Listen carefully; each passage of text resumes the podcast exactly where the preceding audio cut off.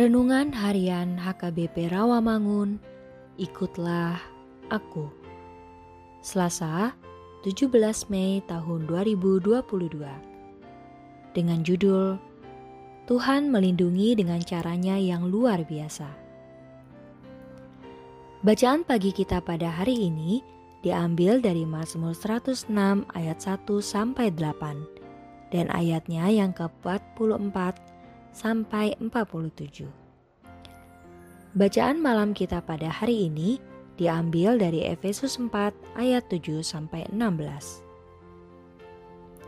Dan kebenaran firman Tuhan pada hari ini diambil dari Yeskiel 16 ayat 8. Maka aku lalu dari situ dan aku melihat engkau. Sungguh, engkau sudah sampai pada masa cinta berahi. Aku menghamparkan kainku kepadamu dan menutupi auratmu. Dengan sumpah, aku mengadakan perjanjian dengan engkau. Demikianlah firman Tuhan Allah. Dan dengan itu, engkau aku punya.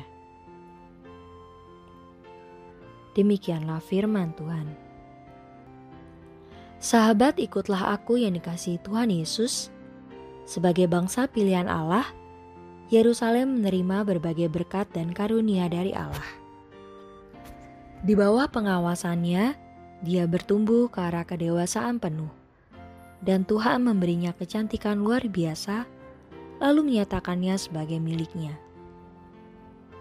Setelah pernikahannya, namanya makin harum di seluruh dunia kuno, khususnya pada zaman pemerintahan Daud dan Salomo menghamparkan kainku kepadamu dan menutup auratmu. Itu adalah kiasan yang melambangkan perlindungan dan hal memasuki hubungan pernikahan. Tindakan menutup itu melambangkan perlindungan, perhatian, serta dukungan. Tuhan memilih dan menjadikan bangsa Israel sebagai umat kesayangannya dari antara bangsa di muka bumi. Ia mengikat perjanjian dengan mereka dan memberkati mereka dengan segala kelimpahan. Ia memberi mereka kehidupan, bahkan kesuburan. Dalam bagian ini juga dipakai gambaran pernikahan antara Israel sebagai mempelai perempuan dan Tuhan sebagai mempelai laki-laki. Tuhan memberikan segala kemegahan, kekayaan, dan kemasyuran kepada bangsa Israel. Tuhan telah menyatakan kasihnya dan menjadikan kita umat kesayangannya. Jangan lupakan masa lalu kita yang buruk dan tidak layak baginya. Muliakanlah dia sepanjang hidupan kita.